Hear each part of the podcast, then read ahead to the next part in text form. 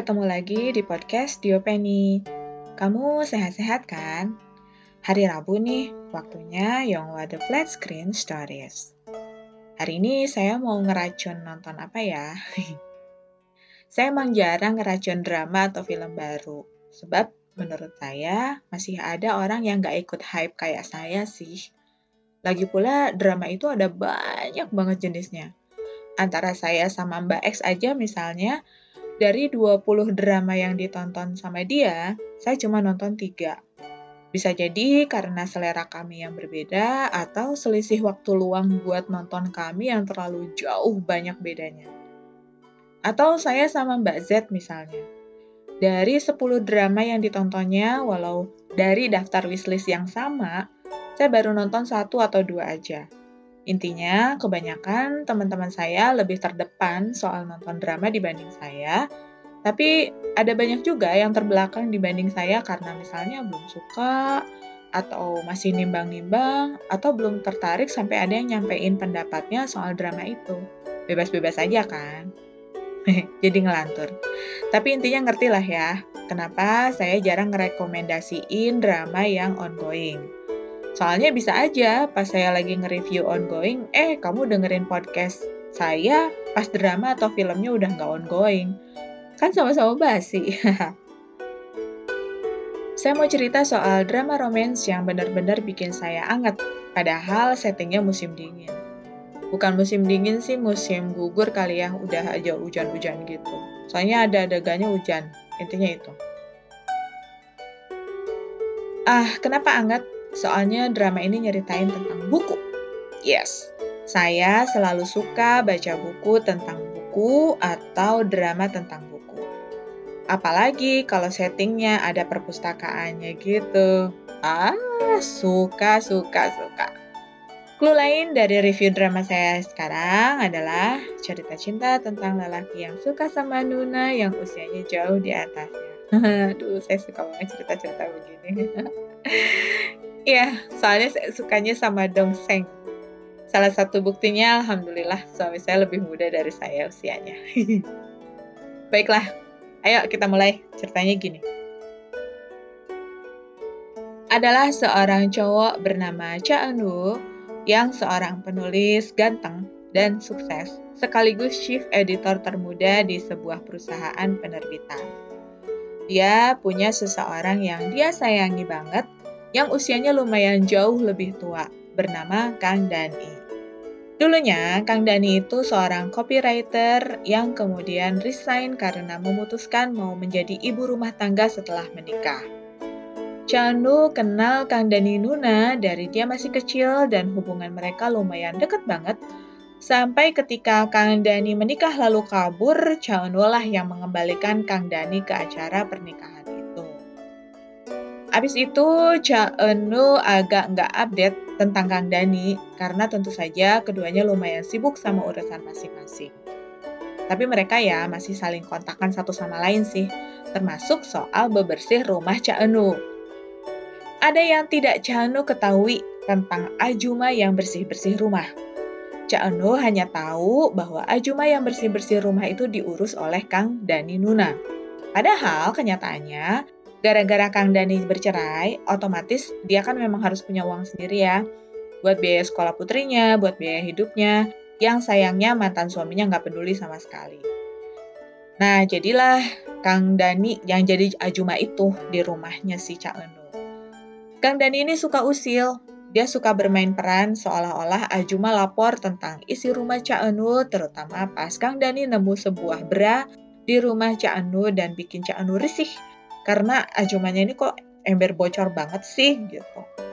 Jadi aja si Chanu ganti sandi pintu rumah dan bikin Kang Dani nggak bisa masuk ke rumah itu lagi. Rumah tempat tinggal Kang Dani statusnya entah dijual apa gimana lah, pokoknya ditutup dan akan dihancurkan. Yang jelas, listrik dan air juga gas udah diputus. Tapi sementara itu Kang Dani diam-diam secara secretly tinggal di rumah itu. Ya tentu saja gelap-gelapan dan kedinginan. Kang Dani itu numpang mandi di mana aja, bisa di spa, di toilet publik dan sebagainya, terutama kalau dia lagi melamar kerja atau ada panggilan interview. Untuk membiayai hidup dan ngumpulin uang sekolah buat putrinya, Kang Dani kerja serabutan, mulai dari kerja di spa, minimarket, juga jadi ajuma yang bebersih rumah Cak Enu itu sembari jadi job hunter. Kapan aja terbuka lowongan untuk menjadi copywriter, Kang Dani selalu mencoba melamar. Setiap interview menjadi copywriter ini, Kang Dani menerima pelecehan secara verbal di setiap perusahaan yang dia lamar seolah-olah haram jadah gitu bagi mereka yang berusaha mendapat pekerjaan setelah vakum selama 11 tahun hanya karena jadi ibu rumah tangga.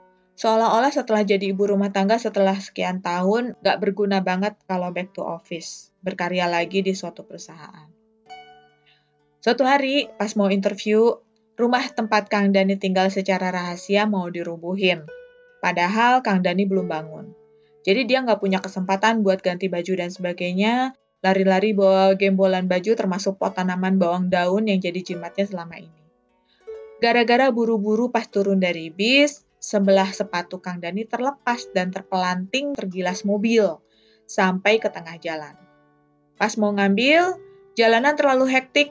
Kang Dani akhirnya mengikhlaskan sepatu itu dan terpaksa melewatkan interviewnya hari itu gara-gara sepatunya nggak ada.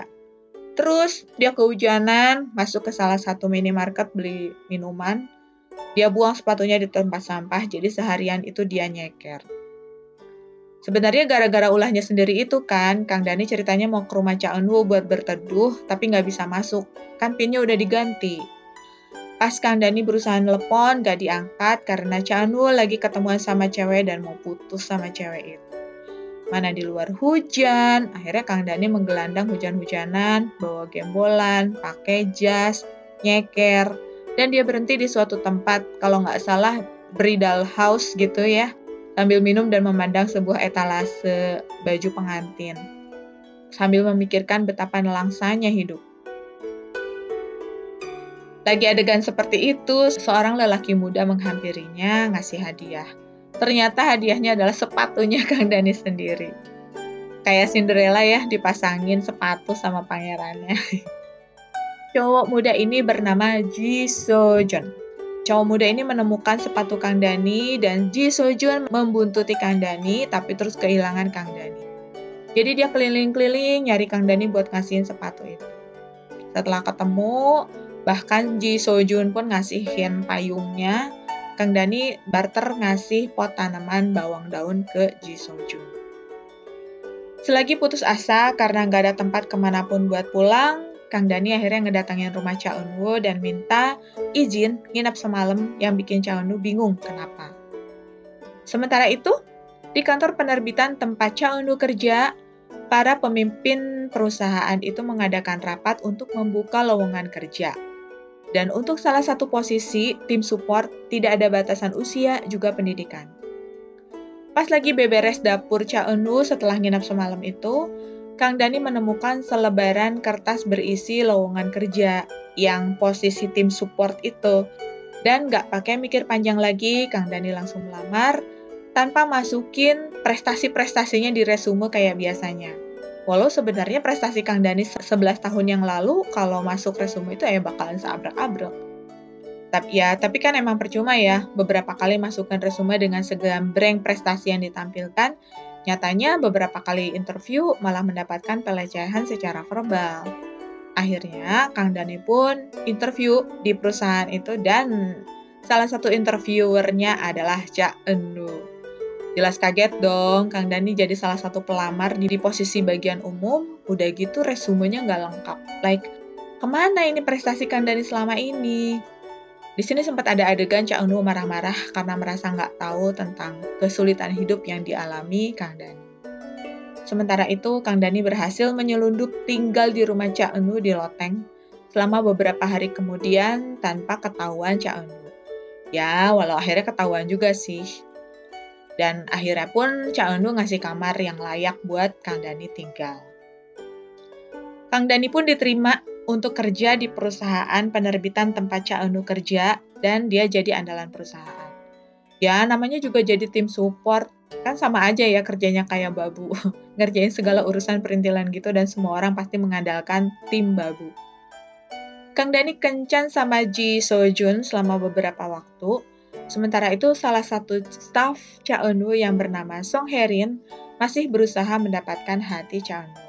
Dia ngerasa kesal karena dilarang Cha Eun-woo datang lagi ke rumahnya kalau lagi mabuk. Karena Cha Eun-woo sekarang tinggal bersama seorang perempuan. Untuk satu dan banyak alasan, Kang Dani memutuskan untuk menyudahi kencannya dengan Ji Sojun. Sementara itu, Cha Eun akhirnya ketemu mantan suami Kang Dani dan dia minta duit tunjangan Kang Dani ke si mantan suaminya itu. Masalah lain muncul ketika ayah angkat Cha Eun bernama Kang Byung Jun, seorang penulis terkenal yang dikabarkan menghilang dari dunia setelah menyatakan mundur dari dunia kepenulisan, ketahuan kabur dari rumahnya dan Cha Eun berhari-hari nggak pulang karena jagain ayah angkatnya itu. Ayah angkat Cha Eun atau penulis Kang Byung Jun ini terkena demensia. Oh ya, akhirnya Chang Ru ngaku sama Kang Dani kalau dia selalu menyukai Kang Dani dan mereka pun akhirnya pacaran. Cerita terus bergulir sampai Kang Dani dipercaya mengadakan suatu acara read aloud penulis terkenal dan acara tersebut sukses, tapi terpaksa mengundurkan diri gara-gara dituduh berbohong mengenai resumnya. Udah gitu, dia pun dituduh lalai melakukan suatu pekerjaan penting sama salah satu stafnya yang sebenarnya kesalahan si staf itu. Kang Dani pun pindah kerja di penerbit abal-abal yang membuat jiwanya berontak. Sementara itu, rekan-rekan kerjanya merasa kehilangan Kang Dani, bahkan Cak Enwo pun pundung karena Kang Dani mengundurkan diri.